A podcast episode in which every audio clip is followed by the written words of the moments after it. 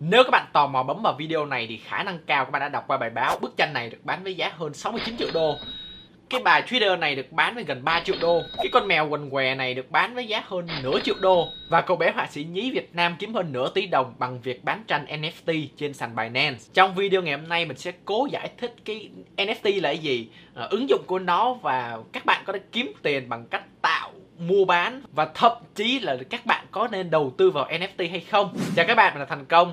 Trước khi bắt đầu video này thì mình muốn xin nhắn nhủ với các bạn Mình là một fan của NFT Mình rất tin tưởng vào công nghệ này và mình tin nó là tương lai. Tuy nhiên cái việc mình yêu thích nó, mình ngưỡng mộ nó Không có nghĩa rằng là các bạn nên bỏ hết tiền đầu tư của các bạn vào cái thằng NFT này. Mà thay vào đó, mình hy vọng các bạn sẽ hiểu rõ bản chất và dựa vào đó để mà tự đưa ra quyết định của bản thân mình. NFT viết tắt của cụm từ non fungible token. Tạm thời là mình sẽ bỏ qua từ token và mình sẽ giải thích cái cụm từ non fungible trước. Non fungible có nghĩa là không thể thay thế, trái nghĩa với fungible có nghĩa là có thể thay thế. Mọi vật ở trên thế giới này được chia thành hai loại, có thể thay thế và không thể thay thế. Một ví dụ cụ thể của một việc có thể thay thế đó chính là cái áo mình đang mặc. Cái áo này mình biết tại Việt Nam bán đâu 20 ngàn cái không hay 50 ngàn gì em chẳng nhớ nữa. Nhưng chung là rất là nhiều và các bạn có thể kiếm ở mọi nơi. Trong khi đó, cái dây chuyền này lại là một vật không thể thay thế tại vì đây là cái dây chuyền mà ông cố truyền trong nội mình, ông nội mình cho ba mình, rồi ba mình truyền lại cho mình mình đã giỡn thôi. Nhưng liệu mình có chứng minh cho các bạn được là những cái thứ mình vừa mới nói cho các bạn là thật hay không? Đương nhiên là được rồi. Đây là hóa đơn mà ông nội mình để lại cho ba mình, rồi ba mình để lại cho mình đây. Không hề giả chân luôn. Ok, biết thôi giỡn giỡn. Chính các bạn đã thấy đó chính là mình không hề có bất kỳ hóa đơn chứng từ nào chứng minh đây là cái di truyền của ông cố để cho ông nội ông nội để cho ba và ba để cho mình. Hoàn toàn không có bất kỳ có hóa đơn nào nói như vậy. Một số bạn có đến đây chắc chắn sẽ thắc mắc, ủa, cái dây chuyền này chỗ nào trả bán? Có gì đâu mà không thể thay thế. Chính xác. Tuy nhiên, dây chuyền này mình đã đeo rất là lâu rồi. Cái cảm xúc mình dính với nó rất là nhiều. Cho nên đối với mình, nó không thể nào thay thế được. Tương tự với bức tranh Mona Lisa trên thế giới này, có rất là nhiều bức tranh Mona Lisa tuy nhiên chỉ có một bức tranh là được vẽ bởi ông Leonardo da Vinci mà thôi cho nên đó chính là cái điểm khác biệt giữa bức tranh đó với các bức tranh khác còn nếu mà mình nhìn bề ngoài thì rõ ràng là cái nào chẳng như nhau đúng không nào trên thực tế có rất là nhiều bức tranh được vẽ bởi những họa sĩ nổi tiếng nhưng hoàn toàn vô giá trị bởi vì người chủ sở hữu của nó không thể nào chứng minh được cái nguồn gốc. Ví dụ như bức tranh này cái người sở hữu của bức tranh này có thể kiếm được tới gần 50 triệu đô nếu mà bà ta có thể chứng minh được đây là bức tranh được vẽ bởi ông Jackson Pollock. Và đương nhiên, bức tranh này sẽ trở nên vô giá trị nếu mà bà ta không chứng minh được. Và tới hiện đại, hình như là bà ta chưa chứng minh được thì phải. Và đó chính là cái vấn đề hiện tại ở trong xã hội chúng ta. Rất mà khó để chứng minh được cái nguồn gốc của một vật từ hàng fake tới hàng thật. Đương nhiên là những cái người nào mà chuyên nghiệp thì hồi không nói vậy rồi, nhưng mình đang nói với những người bình thường như mình thì rất là khó để chứng minh được điều này.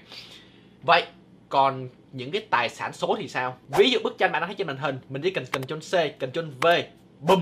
Hai bức tranh hoàn toàn giống nhau, không khác một ly một tí nào luôn. Mình xin nhắc lại là giống 100% nha. Và chính vào lúc này cái token mới vào việc. Token là token á, các bạn Việt Nam gọi là token, ok, mình sẽ học token luôn.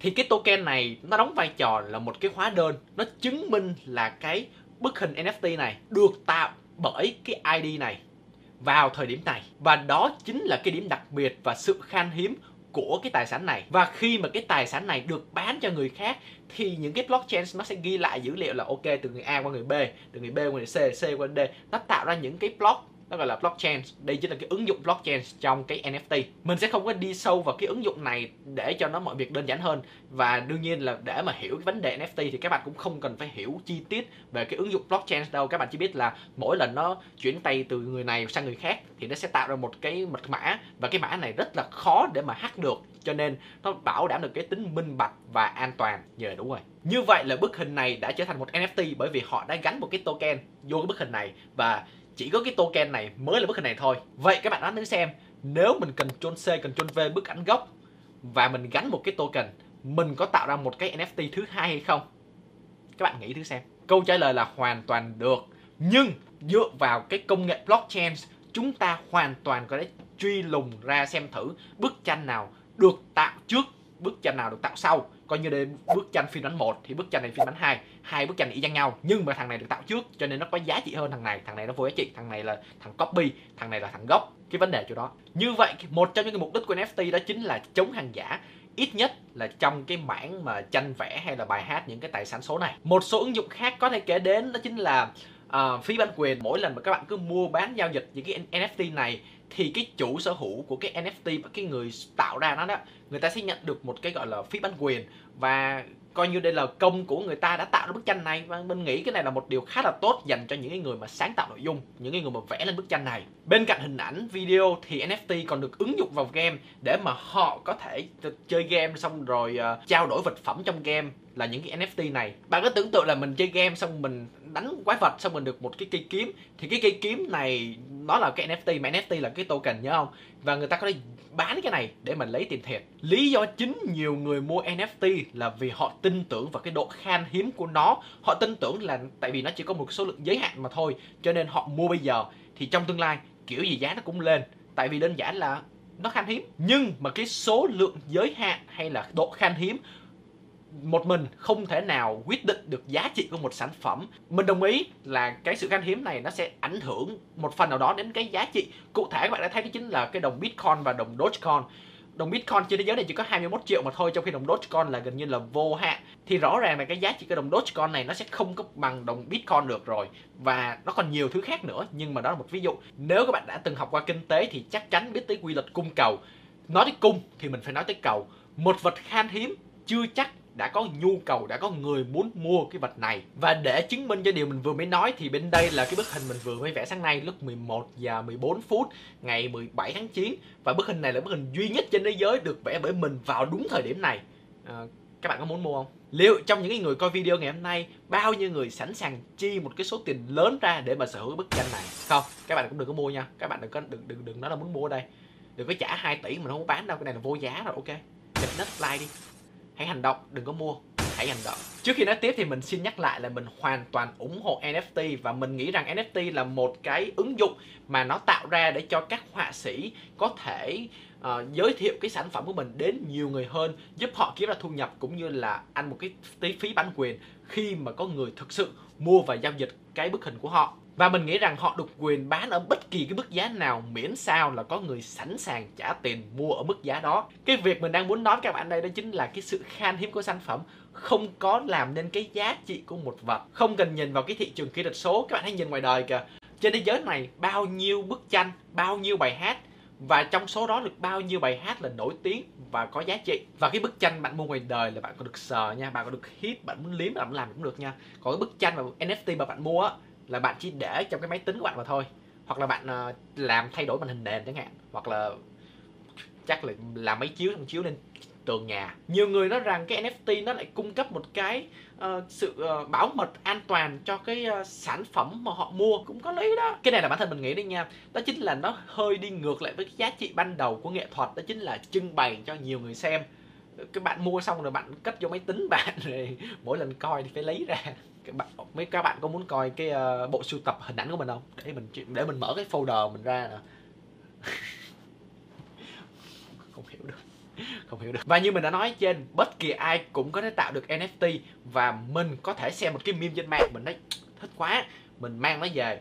Mình mình chuyển đổi nó thành NFT mình có phải chủ sở hữu của nó không? Hoàn toàn không. Vậy thì nó có đi ngược lại với cái mục đích ban đầu của NFT đó chính là chống hàng giả hay không? Khả năng cao là như vậy. Vậy tại sao mình vẫn làm? Bởi vì các bạn không thể nào chứng minh được là mình không phải là người đã vẽ nên nó hay là sáng tạo ra cái meme này trừ khi cái tác giả gốc người tạo ra cái meme đó hay là bức hình đó lên tiếng thì cái NFT của mình mới trở nên vô giá trị còn nếu họ không biết hoặc là họ không quan tâm thì mình cứ lấy tiền của các bạn mà thôi, đơn giản. Và ở trên thế giới này đã có rất rất rất nhiều sự việc tương tự đã xảy ra.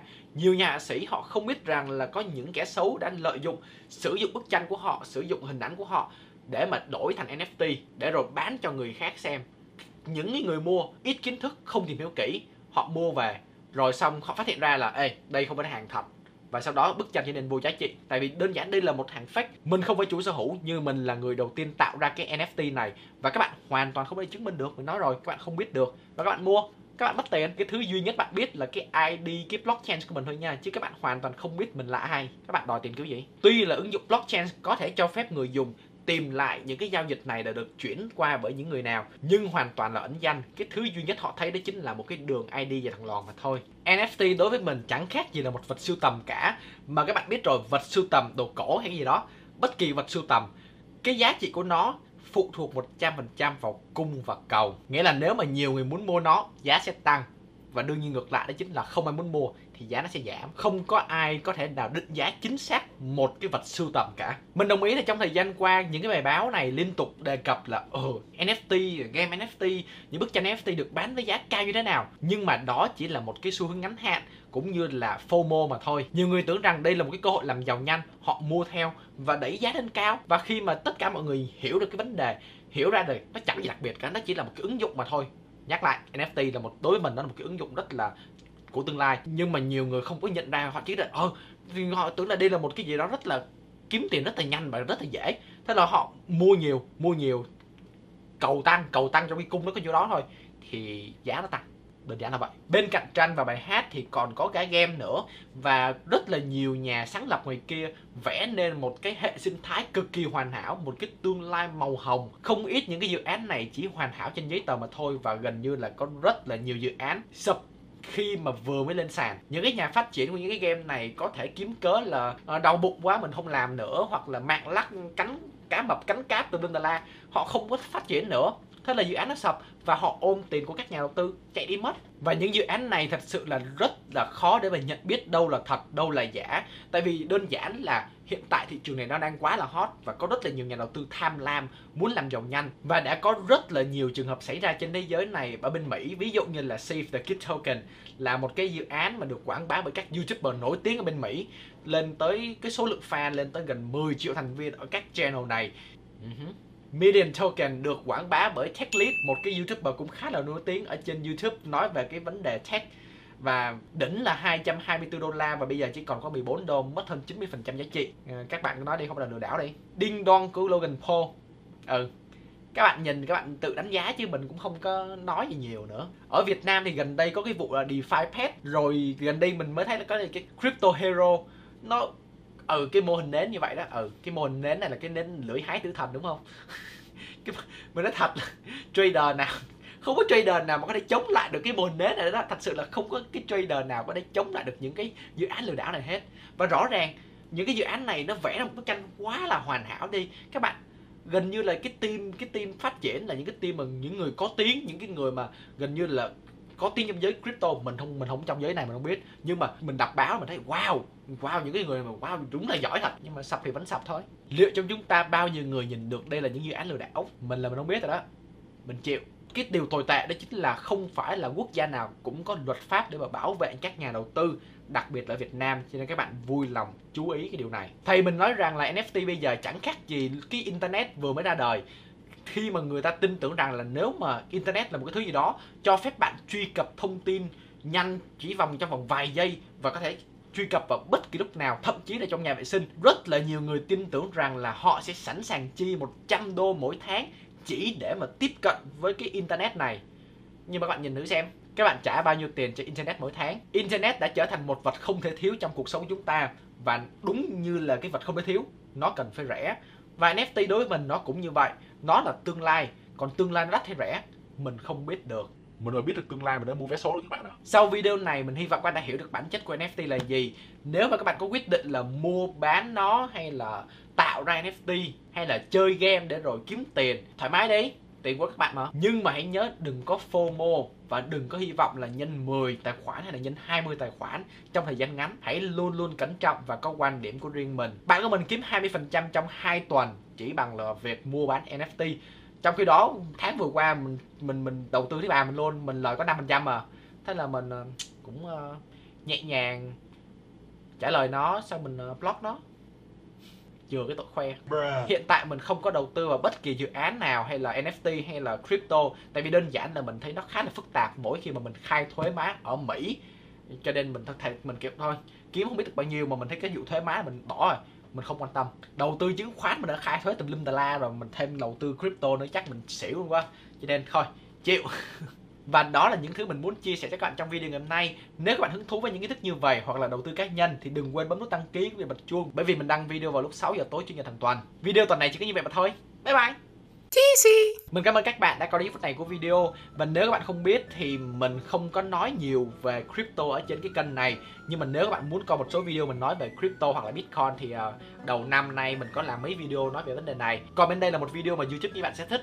Và đừng quên đăng ký Chào các bạn, mình là Thành Công. Dành cho những bạn nào không biết thì mình dùng cái phần cộng đồng ở kênh mình để mà khảo sát người dân Việt Nam về tài chính cá nhân. Các bạn có thể xem kết quả sau khi các bạn tham gia những cái buổi khảo sát này và từ đó các bạn có thể biết được là tình hình chung về kinh tế của những người xung quanh bạn sẽ như thế nào để rồi đặt mục tiêu phấn đấu. Dựa vào kết quả của một trong những cái khảo sát gần đây nhất của mình thì mình phát hiện ra là 73% người tham gia khảo sát này không biết quỹ ETF là gì. Mình chân thành cảm ơn tất cả các bạn đã trung thực cũng như là tham gia những buổi khảo sát này. Bởi vì nếu các bạn không nói cho mình biết, thì mình sẽ không biết, các bạn không biết và mình sẽ không làm video dẫn đến các bạn sẽ tiếp tục không biết và mình cũng không biết là mình đã lặp lại từ không biết bao nhiêu lần rồi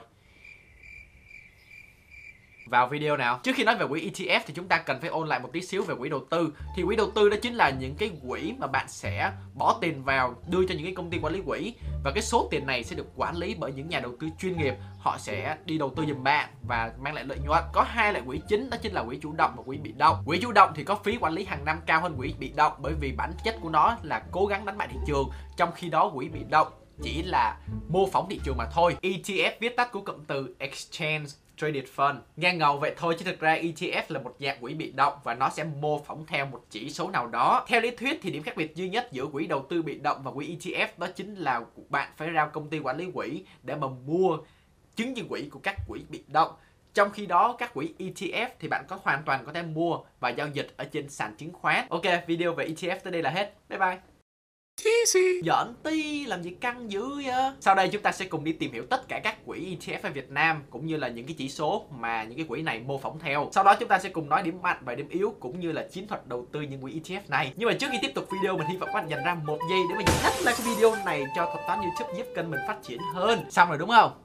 Coi tiếp video nào. Hiện tại có 7 quỹ ETF được giao dịch trên sàn chứng khoán Việt Nam. Đầu tiên đó là ba quỹ E1VFVN30 của công ty quản lý quỹ Dragon Capital, FUEMAV30 của công ty quản lý quỹ Mirae Access FUESSV 30 của công ty chứng khoán SSI. Ừ, mình biết là nó hơi khó nghe cho nên mình sẽ để ba cái quỹ này ở trên góc màn hình. Ba quỹ này đều mô phỏng theo chỉ số VN30. Chỉ số VN30 là chỉ số theo dõi biến động giá của 30 công ty lớn nhất được niêm yết trên sàn HOSE là sàn thành phố Hồ Chí Minh. Điều này có nghĩa rằng là nếu mà chỉ số VN30 tăng 1% thì ba cái quỹ này cũng sẽ tăng sấp xỉ 1%, chênh lệch cực kỳ nhỏ.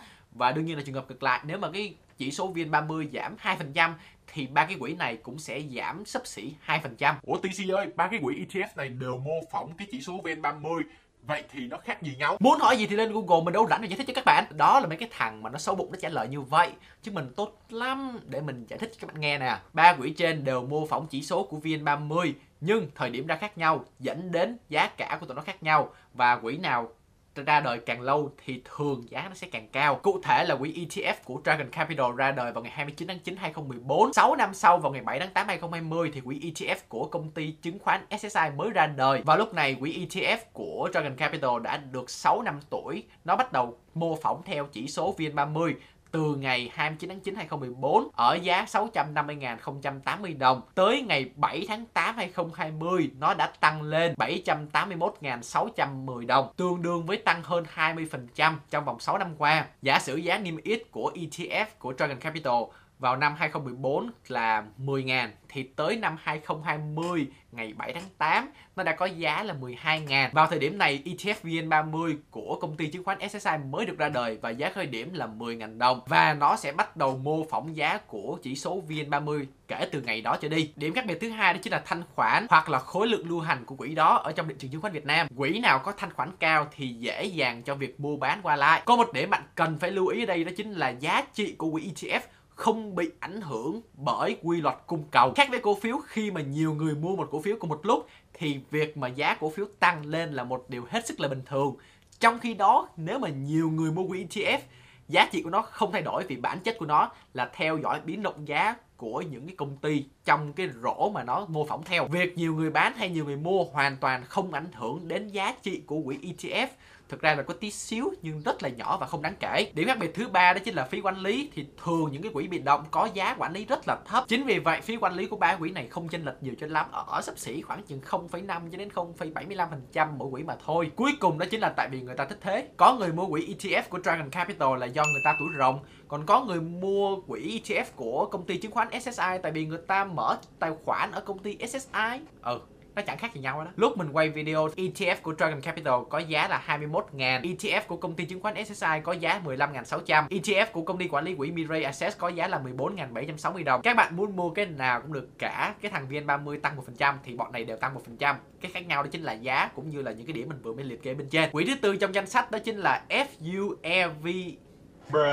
FUESSV50 của công ty chứng khoán SSI. Quỹ này mô phỏng theo chỉ số VNX50. Chỉ số này thể hiện biến động giá của 50 công ty tốt nhất ở trên sàn Thành phố Hồ Chí Minh và sàn Hà Nội. ETF thứ năm có tên trên sàn niêm yết là FUESSVF L. Quỹ ETF này mô phỏng theo chỉ số VN Finlit của Việt Nam. Chỉ số VN Finlit theo dõi biến động giá của tất cả các cổ phiếu trong nhóm ngành tài chính ở Việt Nam. Theo báo cáo gần đây nhất ngày 31 tháng 3 2021 thì cái rổ cổ phiếu trong cái chỉ số VN Finlit là gồm 14 cổ phiếu, bao gồm 10 ngân hàng và 4 công ty chứng khoán. Quỹ ETF thứ 6 có tên trong danh sách là quỹ FEU VFVND của Dragon Capital, mô phỏng theo chỉ số VN Diamond. Chỉ số VN Diamond là chỉ số theo dõi biến động giá của các công ty kim cương ở Việt Nam, không phải là các công ty sản xuất kim cương Việt Nam nha, tại vì Việt Nam là quá có kim cương. Số lượng cổ phiếu tối thiểu trong cái rổ VN Diamond này là 10 và tối đa là 20 và phải đáp ứng theo nhu cầu sau. Giá trị vốn hóa tối thiểu từ 2.000 tỷ đồng và giá trị giao dịch khớp lệnh tối thiểu 5 tỷ đồng một ngày đối với cổ phiếu thuộc VN Oshare và giá trị giao dịch khớp lệnh 15 tỷ đồng một ngày trong trường hợp cổ phiếu không thuộc VN Share. Nói chung những công ty này khá là xịn tại vì kim doanh xịn mà. Quỹ ETF cuối cùng trong video ngày hôm nay đó chính là SUE VN100 của Vina Capital.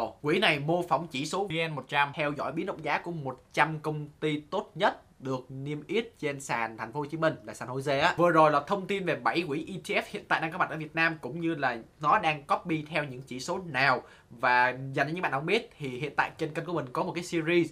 Mình đi ngồi phân tích hết tất cả các quỹ đầu tư ở Việt Nam. Nhưng mà tại vì like của cái series đó nó hơi thấp, cho nên tạm thời mình đang dừng ở phần 2 trong tương lai chắc chắn mình sẽ làm một video mổ sẽ phân tích kỹ càng các quỹ ETF này, cung cấp cho bạn biết các thông tin như là phí và liệu nó có copy theo đúng thị trường hay không, hay là nó đang bịp các bạn vì theo một số bài báo, các quỹ ETF này không có phải là copy đúng 100% như các bạn nghĩ đâu. Nhưng đó sẽ là nội dung trong cái series phân tích các quỹ đầu tư còn um, video này thì không có. Vậy câu hỏi tiếp theo đó chính là giữa quỹ chủ động quỹ bị động và quỹ ETF thì bạn nên mua quỹ nào? Cũng như là chiến thuật khi các bạn tham gia thị trường chứng khoán các bạn nên mua quỹ ETF hay là mua cổ phiếu. Dành cho những bạn nào tham gia thị trường chứng khoán thông qua việc là mua các chứng chỉ quỹ của các quỹ đầu tư Việt Nam, thì hiện tại ở Việt Nam có hơn 40 quỹ đầu tư, trong đó 7 quỹ đầu tư là ETF còn lại là quỹ chủ động. Nhưng mà nếu mà các bạn theo dõi video của mình đủ lâu thì các bạn biết rằng mình luôn luôn tin rằng những cái quỹ chủ động sẽ khó đánh bại được thị trường trong thời gian dài, bởi vì phí quản lý của tụi nó rất là cao. Những cái quỹ chủ động được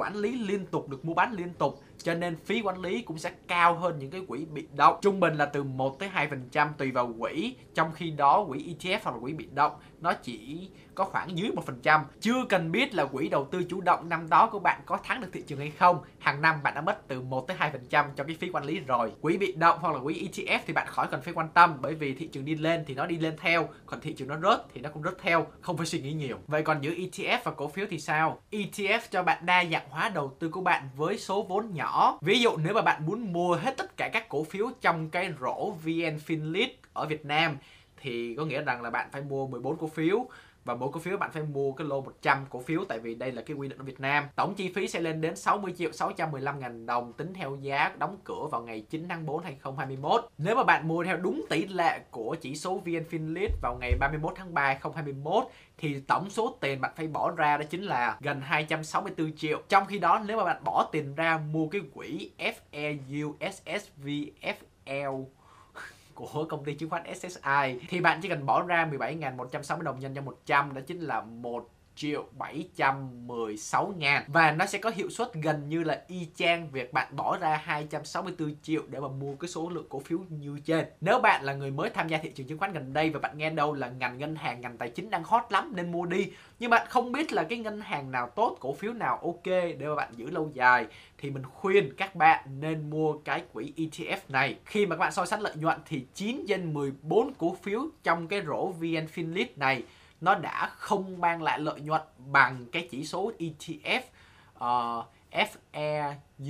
FEUSSVFL của công ty SSI và chỉ có 5 công ty là mang lại lợi nhuận cao hơn cái chỉ số này trong đó bao gồm ngân hàng quân đội MBB, công ty chứng khoán SSI, ngân hàng Techcombank, ngân hàng chứng khoán Bản Việt và ngân hàng Thịnh Vượng. Nếu mà bạn nhắm mắt chọn đại một cái công ty trong ngành ngân hàng tài chính bởi vì nghe đâu cái ngành này đang hot lắm thì cái tỷ lệ mà bạn chọn một cái công ty thắng cái chỉ số này chỉ là 36% mà thôi. Và chắc gì năm cái công ty mình vừa kể tên trên lại thắng được thị trường trong thời gian dài. Như vậy nếu các bạn là những người mới tham gia thị trường chứng khoán, các bạn không có kinh nghiệm gì nhiều về trong thị trường này, các bạn cũng không có biết gì nhiều thì ETF chính là một lựa chọn khôn ngoan dành cho các bạn. Nhưng nó có một cái bất lợi nhỏ xíu dành cho các bạn, đó chính là các bạn sẽ không đánh bại được thị trường. Các bạn chỉ đi theo thị trường mà thôi. Với lại an toàn quá thì cũng không có vui, đúng không nào? Các bạn có thể khắc phục được cái nhược điểm này bằng cách chia danh mục đầu tư của bạn ra thành hai phần. Trong trường hợp này thì một phần bạn sẽ mua cái quỹ ETF FEUSSVFL và một phần còn lại đó chính là mua những cái cổ phiếu ngân hàng mà bạn thích. Trong trường hợp các bạn xui xẻo chọn phải những cái cổ phiếu hơi dỗm tí xíu, bao gồm à, tập đoàn Bảo Việt, ngân hàng BID hoặc là Vietcombank, thì các bạn sẽ không có thua lỗ nặng bởi vì quỹ ETF đã gồng lỗ giùm các bạn rồi. Ngược lại, nếu mà cái cổ phiếu của bạn mua có cái tăng trưởng trong thời gian gần đây khá là tốt, ví dụ như là công ty chứng khoán SSI Techcombank VPBank thì bạn sẽ có cái lợi nhuận cao hơn cái lợi nhuận mà trung bình trong cái ngành đó. Và đó chính là cái cách bạn giảm thiểu rủi ro khi các bạn tham gia thị trường chứng khoán. Và đây là một video hướng dẫn các bạn bốn cách để mà quản trị rủi ro. Các bạn coi thử nhé. Và đó là toàn bộ kiến thức mình muốn chia sẻ cho các bạn trong video ngày hôm nay. Mình hy vọng sau video này các bạn đã biết được quỹ ETF là gì. Ở Việt Nam có bao nhiêu quỹ ETF và nó mô phỏng theo chỉ số nào cũng như là giữa ETF và cổ phiếu bạn nên đầu tư vào cái nào? Còn đến đây mà các bạn không biết thì coi lại video giùm mình. Nếu các bạn thấy video này bớt thì đừng quên dập nút like trong trường hợp các bạn chưa làm ở phần đầu video. Mình đăng video vào lúc 6 giờ tối chủ nhật hàng tuần cho nên nếu các bạn không muốn bỏ lỡ bất kỳ video nào thì đừng quên bấm nút đăng ký cũng như bật chuông. Video tuần này chỉ có như vậy mà thôi. Bye bye! Cheesy. Mình cảm ơn tất cả các bạn đã coi đến phút này của video và nếu bạn hứng thú về quỹ đầu tư quỹ tài chính thì bên đây là danh sách mình nói về nó. Và bên đây là copy trade mình đang đầu tư vào. Còn dưới đây là một video youtube các bạn sẽ thích và đừng quên Chào các bạn, đã là Thành Công. Trong video hôm nay mình sẽ hướng dẫn các bạn cách tự tính số tiền cần đầu tư hàng tháng, hàng tuần, thậm chí là hàng ngày để mà đạt được cái số tiền mong muốn trước khi các bạn quyết định đi nghỉ hưu. Video này sẽ hơi nặng lý thuyết một tí xíu nhưng mà mình sẽ cố gắng hết sức làm cho nó đơn giản nhất có thể. Và mình khuyến khích các bạn nên coi lại phần 1 và phần 2 để mà có thể tải ứng dụng này về điện thoại của bạn xài miễn phí cũng như là sẽ chỉnh một số cái setting trong cái máy tính đó giống như của mình. Mình sẽ thực hành cùng các bạn cũng như là đưa ra những cái lưu ý các bạn cần phải biết khi mà các bạn tính con số này. Và đương nhiên nếu các bạn không hiểu thì các bạn có thể coi lại mà nếu các bạn thấy mình nói quá nhanh thì các bạn có thể tua chậm lại. Các bạn đóng học phí chưa? Yes sir. Vào video nào. Bài toán đầu tiên, Hiện tại bạn đang 20 tuổi và bạn muốn có 4 tỷ ở tuổi 45. Bạn cần đầu tư bao nhiêu tiền một tháng nếu lãi suất trung bình hàng năm là 9%. Và sau đây là cách các bạn bấm máy tính. Đầu tiên các bạn nhớ bấm second clear nha. Ok. Thì PV là cái present value hiện tại bạn không có tiền cho nên là không, đúng không? Rồi, 4 tỷ thì là trong tương lai mà. Thì đây là con số tiền bạn sẽ nhận lại cho nên nó sẽ là số dương. Bấm vô FV lãi suất hàng năm là 9% mà mình đầu tư hàng tháng cho nên mình phải lấy 9 chia cho 12 tháng nghĩa là 9 chia cho 12 bằng đó tại vì đây là hàng tháng bạn nhớ đây là hàng tháng ok rồi bây giờ mình 20 tuổi, tới năm 40 tuổi là 25 năm 25 nhân cho 12 25 nhân cho 12 là bằng 300 300 này sẽ là N là bằng số số tháng. Bây giờ bấm nè, compute CPT bấm cho payment PMT kết quả bạn đang thấy trên màn hình là số âm là bởi vì đây là cái số tiền bạn phải bỏ ra hàng tháng. Như vậy, nếu bạn đầu tư cố định 3 triệu 567.855 đồng hàng tháng vào một tài sản có mức độ tăng trưởng cố định là 9% một năm, thì sau 25 năm tương đương với 300 tháng, bạn sẽ có 4 tỷ. Số tiền bạn cần bỏ ra đó chính là 3 triệu 567 nhân cho 300 300 tháng là 1 tỷ 070 triệu. Số tiền lãi là 2 tỷ 929 triệu 643 ngàn. Lưu ý đầu tiên, chắc chắn nhiều bạn sẽ thắc mắc làm gì có cái 9% cố định hàng năm trong vòng 25 năm. Chính xác, các bạn hoàn toàn không hề sai. Và điều này là một điều hết sức là dễ hiểu, giống như các bạn học môn vật lý vậy.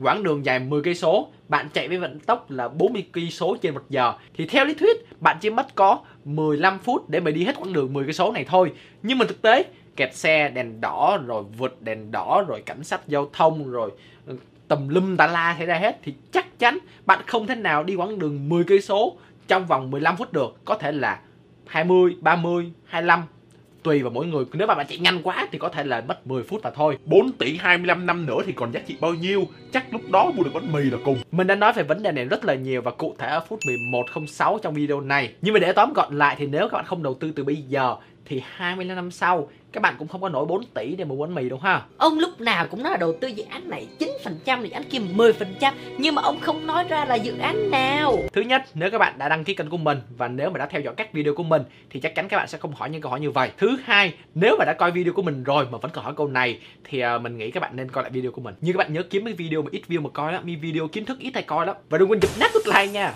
Bài toán thứ hai, hiện tại bạn đang 20 tuổi và bạn muốn có 4 tỷ ở tuổi 45 vì bạn cần đầu tư bao nhiêu tiền mỗi năm? Nếu mà cái dự án đó cho bạn lãi suất là 9% mỗi năm biết rằng hiện tại bạn đang đầu tư 20 triệu. Và sau đây là cách các bạn bấm máy tính. Các bạn nhớ bấm second clear để mà xóa tất cả các dữ liệu của những bài toán trước nha. Ok thì à, uh, PV sẽ là bằng 20 triệu trừ 20 triệu tại vì bạn đang đầu tư cho nên số này số âm. Future value là số tiền bạn mong đợi là 4 tỷ kê là số dư tại vì số tiền bạn sẽ nhận lại mà n bằng 25 bởi vì bạn đầu tư hàng năm y trên y là 9 tại vì đây là lãi suất hàng năm luôn. Và tới đây thì bạn bấm compute payment. Như vậy, hàng năm bạn cần đầu tư 45 triệu 188 877 thì bạn sẽ có 4 tỷ sau 25 năm với lãi suất trung bình hàng năm là 9%. Mình không biết là các bạn có để ý không nhưng cái bài toán này nó khác cái bài toán đầu tiên ở hai điểm. Điểm đầu tiên đó chính là đầu tư hàng năm thay vì hàng tháng. Thứ hai đó chính là bạn đã đầu tư sẵn 20 triệu trước khi đầu tư định kỳ hàng năm rồi. Và đây cũng chính là lý do tại sao mình luôn khuyên các bạn đó chính là đầu tư đều đặn càng tốt hàng tháng nếu được, hàng tuần nếu mà được luôn. Tại vì khi mà các bạn nhìn vào số tiền 45 triệu hơn 40 triệu nhiều lắm to lắm nhưng mà khi các bạn chia nhỏ ra từng tháng thì chỉ còn khoảng 3 triệu 6 một tháng mà thôi và nếu các bạn chia nhỏ ra nữa thì maybe khoảng triệu, một, khoảng một triệu một tuần. Và đó là hàng tháng và hàng năm. Vậy nếu bạn đầu tư hàng ngày thì sao? Cũng là bài toán đó, nhưng bây giờ bạn sẽ đầu tư hàng ngày. Hiện tại bạn đang 20 tuổi, bạn muốn có 4 tỷ ở tuổi 45 như vậy, bạn cần đầu tư hàng ngày bao nhiêu tiền nếu lãi suất trung bình hàng năm sẽ là 9%. Biết rằng hiện tại bạn chưa đầu tư đồng nào. Dừng video ở đây và các bạn thử làm bài này xem sao. Bên đây là những cái con số bạn sẽ nhập vào cái máy tính để mà tính ra cái số tiền bạn cần đầu tư hàng ngày là 116.239 đồng. Vừa rồi chỉ là lý thuyết mà thôi. Thực tế chắc chắn sẽ khác lý thuyết ở nhiều điểm sau. Đầu tiên đó chính là khi các bạn càng lớn, các bạn càng về già, đương nhiên các bạn sẽ kiếm nhiều tiền hơn, đồng nghĩa với việc là bạn sẽ đầu tư nhiều hơn. Lúc trẻ bây giờ 4 triệu một tháng đối với bạn có vẻ nhiều, nhưng mà trong tương lai lúc bạn 40 tuổi 50 tuổi, chẳng lẽ bạn không thể nào chi ra được 4 triệu đầu tư mỗi tháng? Thứ hai, và điều này khá là quan trọng, đó chính là tất cả những cái con số vừa rồi chỉ là lý thuyết mà thôi nó chỉ được mang tính chất là tham khảo và dựa vào đó để mà đưa ra cái kế hoạch tài chính của riêng các bạn. Về thực tế, mỗi người mỗi khác, có người đi nhanh, có người đi chậm, có người đầu tư đúng đỉnh, như mình là một ví dụ. Có người đầu tư ngay đáy, rất là hên, hoặc là nói chung là mình đang nói đây là mỗi người mỗi khác cho nên các bạn không thể nào mà phụ được 100% vào những con số này được ok Trước khi đi vào ví dụ thực tế thì chắc chắn sẽ nhiều người thắc mắc tại sao mình lại lấy đâu ra con số 4 tỷ này, làm sao để mình xác định được cái con số mình cần phải đầu tư trước khi mình đi nghỉ hưu. Thì nếu mà các bạn có coi lại video mà mình hướng dẫn các bạn ghi lại chi tiêu thì trong video đó mình có nói là các bạn khi mà các bạn ghi lại chi tiêu các bạn hàng tháng, các bạn sẽ được ước chừng được là một tháng các bạn cần xài bao nhiêu tiền. Giả sử các bạn ước tính là sau khi về hưu các bạn sẽ tiêu khoảng 30 triệu một tháng đi thì 30 nhân cho 12 là bằng 360 triệu và áp dụng quy luật 4% thì bạn sẽ lấy 360 triệu này nhân cho 25 bạn sẽ có khoảng 9 tỷ. Như vậy bạn cần đầu tư 9 tỷ để hàng năm rút 4% ra mà sau 30 năm không sợ hết tiền. Nếu các bạn có đến đây mà các bạn hoàn toàn không hiểu cái quá gì thì mình khuyên các bạn nên dành ra khoảng chừng 20 đến 30 phút để coi lại hai video mình nói về quy luật 4% nhé. Và đương nhiên con số 25 này là con số tối thiểu mà thôi. Nếu các bạn sợ, các bạn lo lắng, các bạn xài nhiều tiền thì các bạn nhân lên cho 30 hoặc là 35 tùy vào mỗi người, nhưng mà ít nhất là 25 và đây là lý thuyết, nói chung đây là một cái con số mà cái quy luật 4% này đưa ra mà thôi. Và đương nhiên là các bạn mà thấy mạo hiểm hơn tí thì xài 20 nhưng mà mình sẽ xài 25 và đó cũng chính là con số tối thiểu của mình. Vậy là mình cần 9 tỷ đầu tư ở tuổi 55 để mà có thể sống thoải mái đến năm mình 85 tuổi mà không sẽ tiền. Hiện tại mình đang 22 tuổi, mình còn 33 năm nữa. Và sau đây mình sẽ hướng dẫn các bạn áp dụng những thứ mình vừa mới nói, vừa nãy xong trong thực tế qua nào các bạn hoàn toàn đã tải cái file Excel này về máy tính của các bạn sử dụng đường link Google Drive của mình ở dưới phần mô tả nha. Thì cái file đầu tiên đó chính là ba bài toán mình vừa mới giải phần đầu video. Thì lý do mình ghi lại như vậy là để cho các bạn có thể nhìn thấy cái số tiền mà đầu tư hàng ngày, hàng tháng, hàng năm để cho các bạn dễ dàng so sánh. Ok.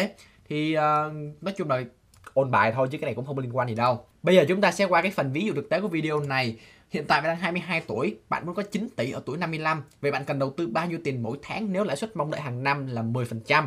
Thì sử dụng những cái thứ mình vừa mới hướng dẫn các bạn trong video ngày hôm nay, các bạn sẽ tính được số tiền các bạn cần đầu tư hàng tháng đó chính là 2 triệu 913 ngàn. Như vậy nếu hàng tháng bạn đầu tư 2 triệu 913 ngàn từ năm 22 tuổi đến năm 55 tuổi, bạn sẽ có 9 tỷ. Nhưng mà chúng ta nên thực tế một tí xíu đó chính là không phải ai độ tuổi 22 cũng có thể đầu tư 3 triệu một tháng. Cho nên dành cho những bạn nào mà 22 tuổi thì mình cho các bạn đầu tư mỗi tháng 1 triệu mà thôi. Thì đó, các bạn nhập vô 1 triệu. Các bạn cần phải lưu ý cái dấu này là dấu âm, tại vì các bạn đầu tư là số tiền đi ra, cho nên là phải là số âm. Như vậy nếu các bạn đầu tư mỗi tháng 1 triệu trong giai đoạn từ 22 đến 30 tuổi thì số tiền bạn có ở cuối năm 30 đó chính là 146 triệu. Đây là số dương tại vì uh, các bạn nhận lại mà đúng không? Thì cái số tiền bạn có được ở cuối năm 30 sẽ là cái số tiền bạn đã đầu tư tính từ năm 30 tới năm 40 đó là lý do tại sao mà thành là số âm tại vì bạn đang đầu tư thì nó phải quay lại số âm đúng không nào? Thì bây giờ bạn sẽ tăng số tiền lên Ờ, uh, 4 triệu một tháng. Tại vì bây giờ từ 30 tới 40 tuổi bạn lương bạn tăng thì chắc chắn là bạn phải đầu tư nhiều hơn rồi.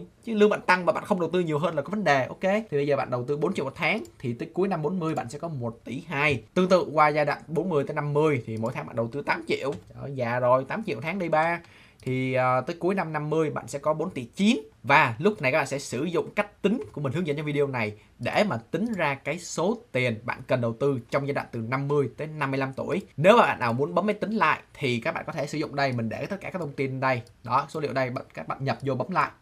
Thì các bạn lưu ý nha, các bạn chỉ nên thay đổi những con số mình để ở cái màu vàng này thôi. Còn những cái ô mà có màu cam như vậy nè, là mình đã để công thức vào rồi. Các bạn chỉ cần nhập số vào là các bạn, những cái ô cam sẽ tự động tính cho các bạn. Các bạn không cần làm gì cả. Đây là một cái file Excel mà mình lập ra dành cho những bạn nào lừa bấm máy tính để mà xài. Các bạn xài không tùy các bạn. Có một cái thông tin mình quên nói với các bạn đó chính là cái ô dưới đây. Thì tổng số tiền đầu tư trong n thời gian này đó chính là cái tổng số tiền mà bạn bỏ ra là trong cái giai đoạn này là từ 40 tới 50 nè thì bạn dùng mình công thức đơn giản thôi là 8 triệu nhân cho 120 tháng là 960 triệu. À, tổng số tiền đã đầu tư là tổng số tiền bạn đầu tư từ năm 22 tuổi đến thời điểm hiện tại. Tổng số tiền lãi đó chính là số tiền sinh lợi nói chung là nó đọc là hiểu, đúng không nào? Và mình nhắc lại, đó chính là những cái con số này nó sẽ tự động tính các bạn. Các bạn không cần phải làm gì cả. Ví dụ tiếp theo nó thực tế một tí xíu, tại vì lãi suất nó sẽ không có cố định trong suốt quá trình 33 năm bạn đầu tư. Thì từ năm 22 đến năm 25 tuổi, mình sẽ sử dụng lãi suất là 20% tại lúc này trẻ thì đương nhiên mạo hiểm hơn, thì đương nhiên là lãi suất sẽ cao hơn.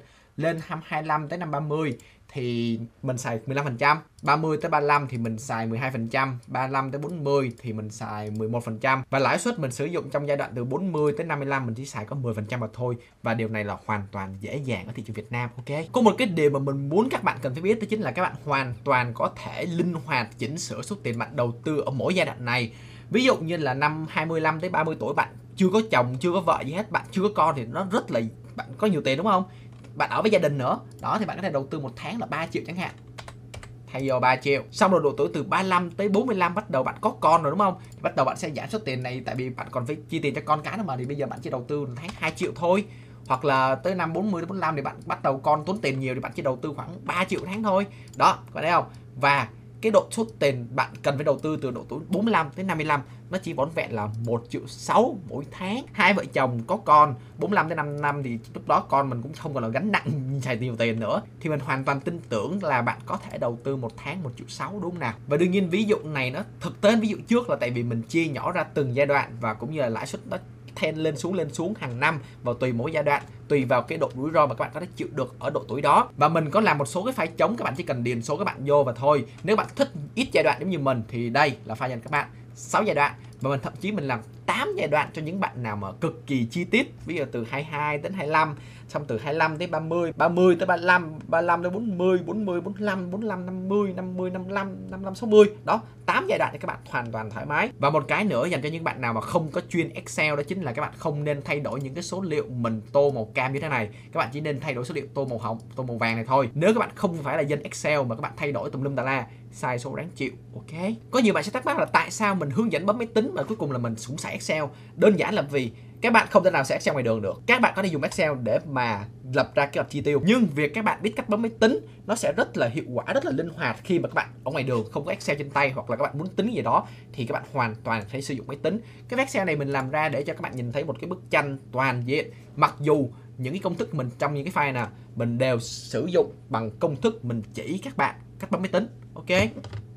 Hết sức bình thường luôn. Đừng quên đóng học phí nha. Nếu các bạn coi video này xong mà các bạn hoàn toàn không hiểu cái quái gì cả thì hết sức là bình thường. Bởi vì mình dành ra mấy tiếng đồng hồ trên lớp để mà học cũng như là làm bài tập rất là nhiều trước khi mình thành thục những cái thao tác này. Các bạn mới coi một cái video dài mười mấy phút mà không được hành thì làm sao mà hiểu được? Chính vì vậy mình khuyến khích các bạn tải cái file Excel từ Google Drive về thực hành cũng như là áp dụng. Hãy bình luận đặt những cái câu hỏi của bạn liên quan đến cái video này ở bên dưới và mình tại vì đây là thuộc cái series uh, hướng dẫn tính toán cơ bản của mình cho nên mình sẽ cố gắng trả lời hết tất cả các câu hỏi liên quan đến nội dung của video ngày hôm nay. Và mình cũng khuyến khích các bạn khác hãy cùng trả lời bình luận của các bạn để mà cùng nhau học hỏi xem coi các bạn trả lời có giống ý mình hay không.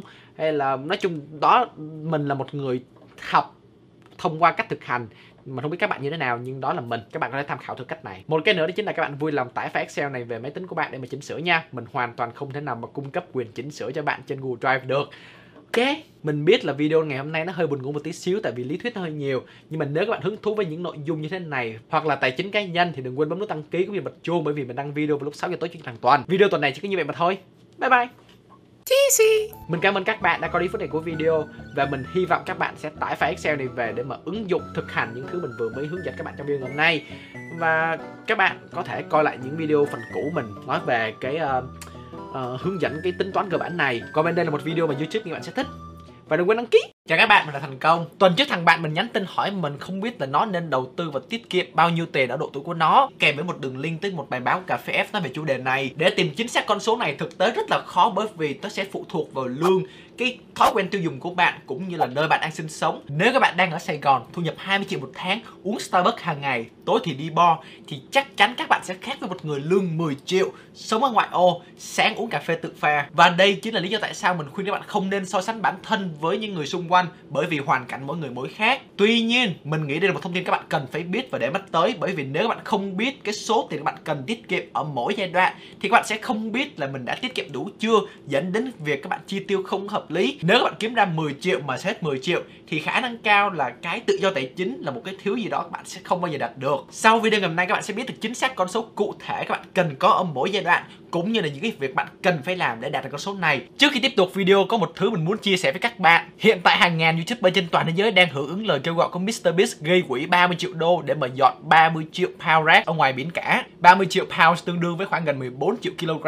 Kênh của mình làm về tài chính, tập hợp những người thích kiếm tiền, thích tiết kiệm tiền chứ không phải thích cho tiền. Tuy nhiên, nếu các bạn muốn ủng hộ cho tổ chức này thì hoàn toàn sử dụng đường link dưới phần mô tả teamc.org để mà có thể ủng hộ trực tiếp. Riêng bản thân mình mình sẽ ủng hộ một cent tương đương với một lượt like tăng trên kênh của mình trong tháng 11 này. Để cho các bạn dễ hình dung thì tính tới ngày 30 tháng 10 kênh của mình đã có 7 711.530 like, tương đương với hơn 7.000 đô, hơi bị nhiều tiền đó. Các bạn không cần ủng hộ trực tiếp cho tổ chức này nếu các bạn không có tiền, bởi vì theo một cái khảo sát gần đây kênh mình thì hơn 30% là đang thất nghiệp. Tuy nhiên, việc các bạn có thể làm đó chính là dập nát nút like của video mình bất kỳ video nào trên kênh của mình. Mình nhắc lại là bất kỳ video nào trên kênh của mình nha. Mình sẽ tính lượt like tăng trong tháng 11 từ các bạn Và mình sẽ ủng hộ một cent tương đương với mỗi lượt like đó. Bên cạnh đó toàn bộ số tiền mình kiếm được trong video này sẽ được ủng hộ trực tiếp cho Team C. Vậy để các bạn còn chần chừ gì nữa mà không dập nét nút like của video đi? Vào video nào. Trước khi các bạn xác định bản thân các bạn đã tiết kiệm đủ hay chưa Các bạn cần phải biết giá trị tài sản các bạn đang có là bao nhiêu tiền. Các bạn đọc báo thì sẽ thấy tài sản của ông Phạm Nhật Vượng là 7,3 tỷ đô la đúng không? Có bao giờ bạn thắc mắc là con số này được tính như thế nào chưa? Thực ra để tính con số này rất là simple nhưng mà nhiều người cứ make it complicated lên. Để mình chỉ các bạn nè đầu tiên các bạn sẽ quy đổi tất cả các tài sản bạn sang tiền mặt bao gồm điện thoại máy tính máy ảnh ờ, laptop rồi thậm chí là nhà nếu các bạn đang sử dụng một căn nhà. Và các bạn lưu ý là các bạn phải đổi sang cái giá trị thị trường hiện tại nha. Ví dụ như điện thoại của mình mình mua chiếc này khoảng 1.000 đô thì uh, hiện tại giá này chắc còn khoảng 300 đô mà thôi thì mình sẽ ghi là 300 đô tại vì mình đang tính tổng giá trị của mình ở thời điểm hiện tại và đương nhiên là các bạn cũng phải bao gồm tất cả các khoản đầu tư của các bạn, bao gồm quỹ khẩn cấp, quỹ chi tiêu, quỹ ngắn hạn, quỹ dài hạn, quỹ cho con. Nói chung là mọi thể loại các tiền đầu tư, tiền tiết kiệm mà các bạn có thể tìm được cộng vào đây. Con số này chính là tổng tài sản bạn đang sở hữu. Và các bạn sẽ dùng con số này trừ cho tổng số nợ các bạn đang nợ những người ngoài kia, bao gồm trong đó là tín dụng đen, nợ ngân hàng, mua xe trả góp, mua điện thoại trả góp mua, mượn nợ người thân.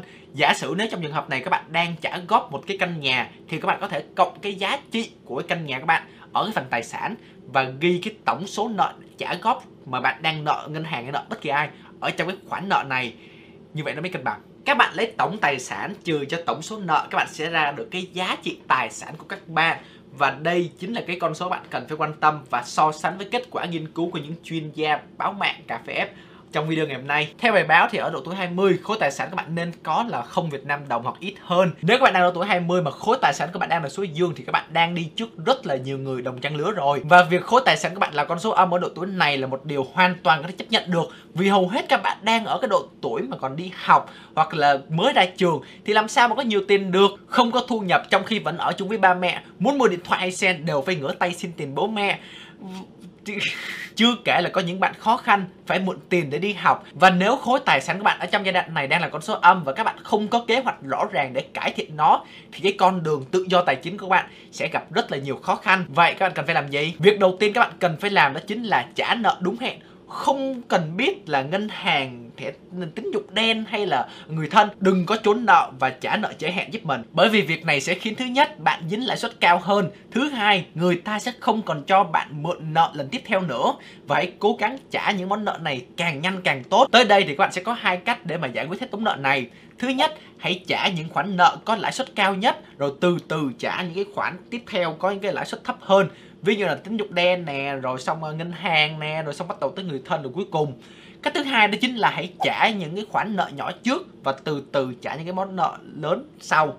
Cách thứ hai thì không hiệu quả bằng cách thứ nhất về mặt kinh tế nhưng mà nó hiệu quả về mặt tâm lý bởi vì các bạn sẽ thấy cái số lượng nợ các bạn giảm dần giảm dần giảm dần và nó sẽ khiến các bạn trả nợ nhanh hơn. Việc thứ hai các bạn cần phải làm ở độ tuổi này đó chính là bắt đầu xây dựng một cái quỹ khẩn cấp tương đương với 1 tới 2 tháng chi tiêu của các bạn. Quỹ khẩn cấp này sẽ hỗ trợ bạn trong những cái ngày tháng thất nghiệp hoặc đơn giản là nếu một chuyện gì xấu nó xảy ra, cái quỹ hỗ trợ này sẽ là một cái khoản tiền mà dự bị để mà các bạn có thể đối phó với nó. Các bạn lưu ý là đừng bao giờ đụng tới cái quỹ khẩn cấp này trừ trường hợp khẩn cấp nha đừng có nghĩ tới cái việc mà sẽ sử dụng cái tiền quỹ khẩn cấp này để mình đầu tư hay là tiêu vặt hãy để số tiền này ở một cái nơi mà có thể dễ dàng tiếp cận với lãi suất cao nhất ví dụ là gói 5,5% không giảm của Tikop Việc tiếp theo không kém phần quan trọng đó chính là hãy bắt đầu đầu tư. Trời ơi Tixi ơi, tiền ăn, tiền trả nợ còn không có mà bây giờ ông còn bắt tụi tôi là phải bỏ cả chục triệu để mà đầu tư hả?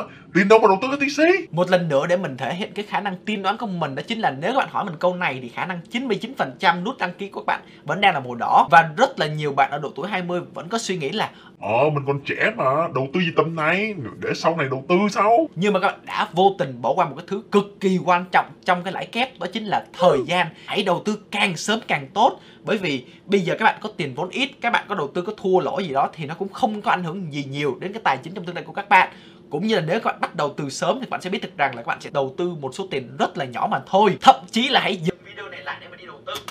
Đúng vậy, hãy dừng video. Ok, khoan, không có dừng nữa. Ok, bình tĩnh bình tĩnh bình tĩnh. Để mình nói hết rồi các bạn coi tiếp video nếu các bạn không biết là đầu tư chỗ nào an toàn với số vốn ít, thì các bạn nên tìm hiểu Tikop bởi vì Tikop cho phép bạn đầu tư với số vốn chỉ từ 50.000 đồng mà thôi. Tikop đã chọn sẵn những gói đầu tư phù hợp với cái độ rủi ro của bạn, từ an toàn, thử thách cho đến mạo hiểm. Thậm chí các bạn có thể chọn vô số gói đầu tư linh hoạt tùy thuộc vào cái độ hiểu biết cũng như là cái nhu cầu của bạn. Và cái thứ mình thích nhất của Tikop đó chính là họ không thu phí của người dùng. Hãy bắt đầu từ số vốn nhỏ và tập dần thói quen đầu tư định kỳ đi và trong tương lai các bạn cảm ơn mình sau. Và việc cuối cùng mình nghĩ các bạn nên làm ở độ tuổi này đó chính là hãy trau dồi kiến thức thật là nhiều bởi vì đây sẽ chính là cái thứ mà sẽ giúp bạn tăng thu nhập trong tương lai. Nếu bạn đang ở độ tuổi 30, theo cà phê F bạn cần phải có số tiền là 317 triệu. Và như mình đã nói phần đầu video, tùy vào nơi bạn sinh sống cũng như là cái cách xài tiền của các bạn mà con số này sẽ khác nhau. Theo mình ở độ tuổi 30, các bạn nên tiết kiệm một năm lương của các bạn. Nếu các bạn kiếm được 20 triệu một tháng thì con số các bạn cần tiết kiệm là 20 nhân cho 12 là 240, 30 triệu thì sẽ là 360 triệu và cứ thế mà tính lên dần. Bên cạnh đó nếu bạn vẫn còn nợ thì mình hy vọng các bạn vẫn trả nợ đúng hạn vì đây chính là cái giai đoạn mà các bạn sẽ bắt đầu mua những cái món đồ có giá trị nó cao hơn. Ví dụ như là nhà nè xe hơi nè xe máy nè và khả năng cao là các bạn cần phải mua trả góp. Thì lúc này nếu mà các bạn có một cái tín dụng đẹp đồng nghĩa với việc bạn luôn trả nợ đúng hạn thì cái lãi suất cho vay các bạn sẽ rất là thấp. Lãi suất thấp đồng nghĩa với việc là lãi vay thấp đồng nghĩa với việc là tổng số tiền phải trả sẽ thấp. Cho nên các bạn làm ơn đừng có trả nợ trễ hạn giúp mình. Không cần biết là uh, tín dụng đen ngân hàng hay là người thân đừng có trả nợ trễ. Nếu các bạn đang nợ xấu thì các bạn nên ưu tiên trả những khoản nợ này trước khi là mua thêm bất kỳ thứ xa xỉ nào khác. Nợ xấu có thể hiểu là những cái khoản nợ mà có lãi suất cao khoảng từ uh, trên 10 tới 15% một năm. Và ngược lại nợ tốt là những cái khoản tiền mà bạn mượn bạn đem đi làm cái gì đó mà có thể sinh ra cái lợi nhuận cao hơn cái lãi vay của bạn phải trả. Nếu các bạn có thể vay ngân hàng với lãi suất là 7% một năm mình không biết là nó cho vay được hay không mình lấy một số đại mà thôi. Các bạn dùng số tiền này để mà mua trái phiếu lợi nhuận là 10% một năm thì đối với mình đây là một cái khoản vay cũng khá là tốt bởi vì cái lợi nhuận mang lại nó cao hơn cái lợi nhuận lãi suất vay mà bạn phải trả. Nợ xấu hay nợ tốt sẽ tùy thuộc vào góc nhìn của mỗi người. Ví dụ như là bạn vay tiền với lãi suất là 15% một năm, nhưng mà các bạn đem đi đầu tư với cái lãi suất mà nó mang lại là 30% một năm, thì đối với các bạn, đây không phải là một cái khoản nợ xấu. Nếu các bạn đang ở độ tuổi 30 thì hãy lấy một cuốn sổ hay bất kỳ cái thứ gì các bạn ghi được ghi xuống những cái khoản nợ các bạn đang phải trả và từ đó hãy ưu tiên những cái món nợ mà có lãi suất cao trước. Và đối với những bạn đã xử lý hết tất cả những điều trên thì mình nghĩ khá hợp lý khi mà các bạn tiết kiệm 20% lương hàng tháng của các bạn. Nếu hiện tại các bạn nghĩ rằng là việc tiết kiệm 20% tháng lương của bạn là một cái điều mà không thể làm được thì mình khuyến khích các bạn nên coi lại video mình hướng dẫn các bạn theo dõi chi tiêu. Bởi vì các bạn chỉ biết mình đang phung phí tiền như thế nào khi mà các bạn thật sự theo dõi nó mà thôi. Lúc này quỹ khẩn cấp của bạn nên đủ cho ba 3 6 tháng chi tiêu và số tiền dư còn lại, các bạn vui lòng đem đi đầu tư hết giúp mình. Và bây giờ các bạn đang độ tuổi 30 các bạn không còn là cái thời mà nghèo rỗng túi như cái đợt mà bạn 20 tuổi nữa. Hãy đầu tư mạo hiểm hơn mạnh dạn hơn tí đi đừng có đầu tư 50 ngàn một tháng hay đầu tư 500 ngàn một tháng đi. Giỡn thôi 2 triệu đến 3 triệu một tháng giúp mình. Và đây chính là cái thời hoàng kim mà các bạn có thể kiếm tiền nhiều nhất có thể. Tuần trước mình vừa làm một video nói về à, đầu tư thị trường trái phiếu với lợi nhuận lên tới 10% một năm.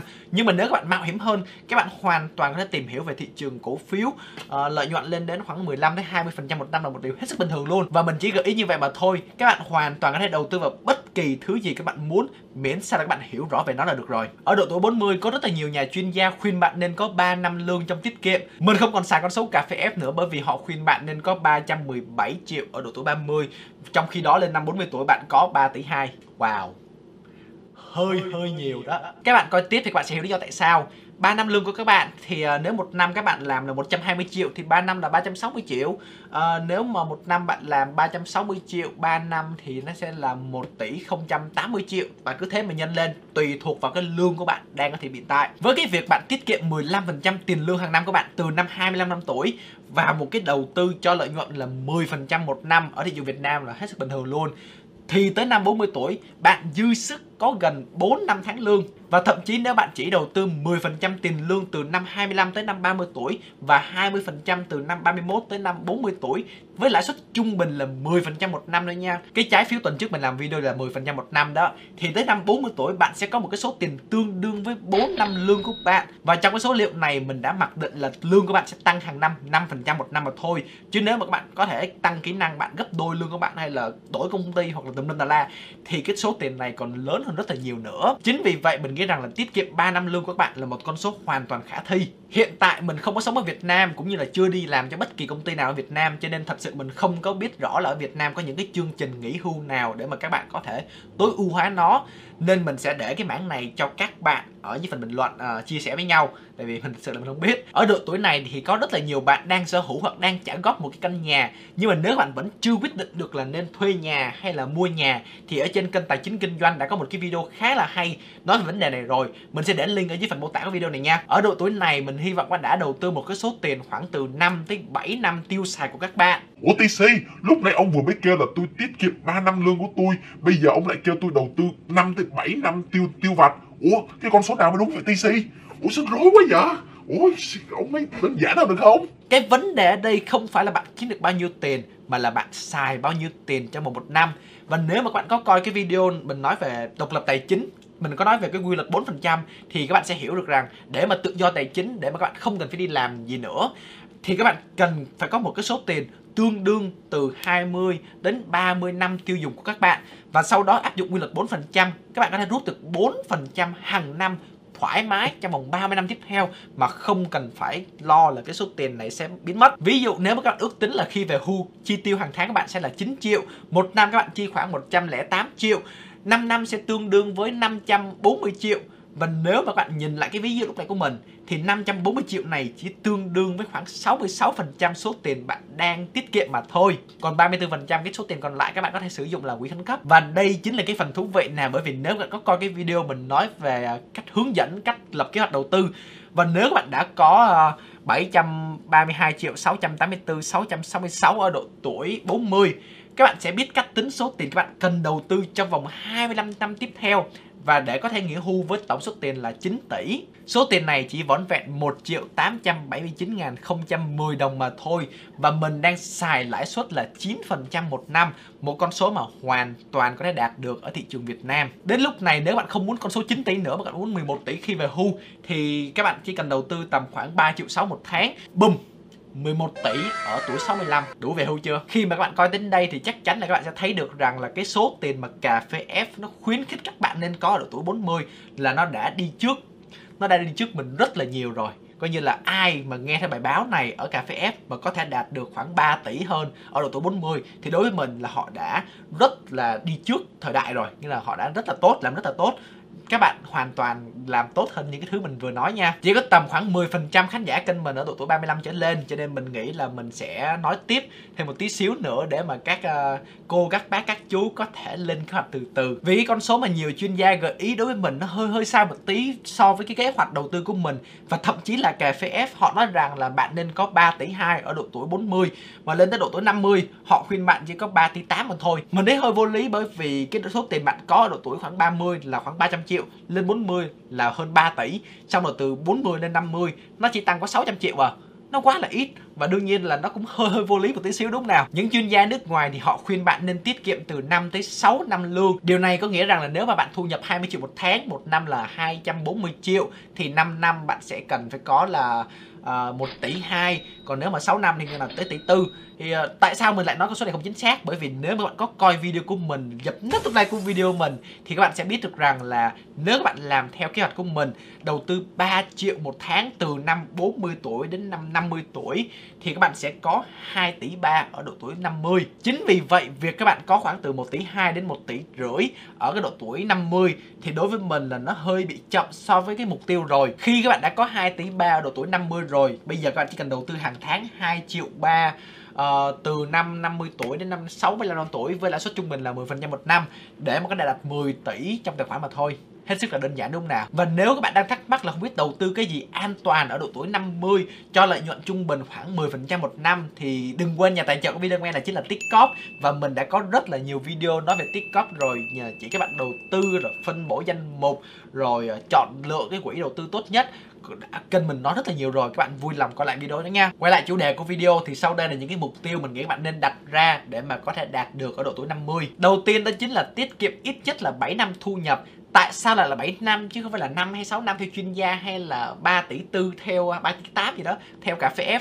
Bởi vì nếu mà các bạn đầu tư trung bình là 3 triệu một tháng thì mình cho rằng là bạn chỉ rút ra khoảng 10% thu nhập của bạn mà thôi. Có nghĩa là bạn đang kiếm khoảng 30 triệu trong trường hợp này thì à, 30 triệu một năm bạn sẽ kiếm được 360 triệu 7 năm tương đương với khoảng 2 tỷ năm. Các bạn có thấy con số này nó hơi hơi giống con số lúc nãy mình tính không? Chính nó. Thứ hai đó chính là hoàn thành trả góp căn nhà của bạn và cũng như là chuẩn bị kế hoạch trong tương lai bởi vì đây chính là cái lúc mà bạn nghĩ, nghĩ nghiêm túc về cái việc là ok 65 tuổi mình nghỉ hưu mình sẽ về đâu? Mình sẽ ở với ai? Mình sẽ làm gì? Đó, các bạn phải có thể lúc đó là các bạn không muốn về hưu mà các bạn vẫn tiếp tục đi làm. Các bạn lúc này các bạn sẽ không còn làm làm việc vì tiền nữa, mà lúc đó các bạn chỉ làm việc vì các bạn thích làm việc mà thôi. Lúc này khả năng cao là bạn đã quen với cuộc sống đi làm ở trước khi mà nghỉ hưu rồi, cho nên là mình nghĩ khả năng cao là bạn sẽ không có một cái là về hưu, cái là bạn đi bo hay là ờ, lên sàn gì đâu. Các bạn lúc đó sẽ còn đi làm nữa, nhưng mà lúc này các bạn làm cho nó vui chứ không còn là các bạn làm uh, làm việc để mà kiếm tiền nữa. Và chỉ có dưới một phần trăm khán giả coi kênh mình là trên 55 tuổi. Và trong số đó 0,3 trên 65 tuổi. Các bác uh, đã rất là lớn tuổi rồi. Tại sao các bác lại lên youtube coi một thằng nhóc làm video bọc quần đùi vậy? Nhưng mà nếu mà các bác đang coi video này thì các bác đừng có quên là chia sẻ video cũng như là dập nút like nha. Và vừa rồi là những mục tiêu mình nghĩ các bạn nên đạt được ở mỗi độ tuổi khác nhau những cái con số này chỉ mang tính chất tham khảo mà thôi, Và các bạn không cần phải làm đúng theo từng ly, từng tí. Bởi vì như bản thân mình đã nói, chúng ta chỉ là con người, chúng ta không thể nào đoán trước được tương lai sẽ như thế nào. Chắc chắn là bên ngoài kia đã có rất là nhiều người đã đạt được những cái cột mốc mình từ lâu rồi. Nhưng mà mình cũng đảm bảo với các bạn rằng là bên ngoài kia cũng có những người chưa đạt được, hoặc đơn giản là họ chưa bao giờ nghĩ tới những cái việc này.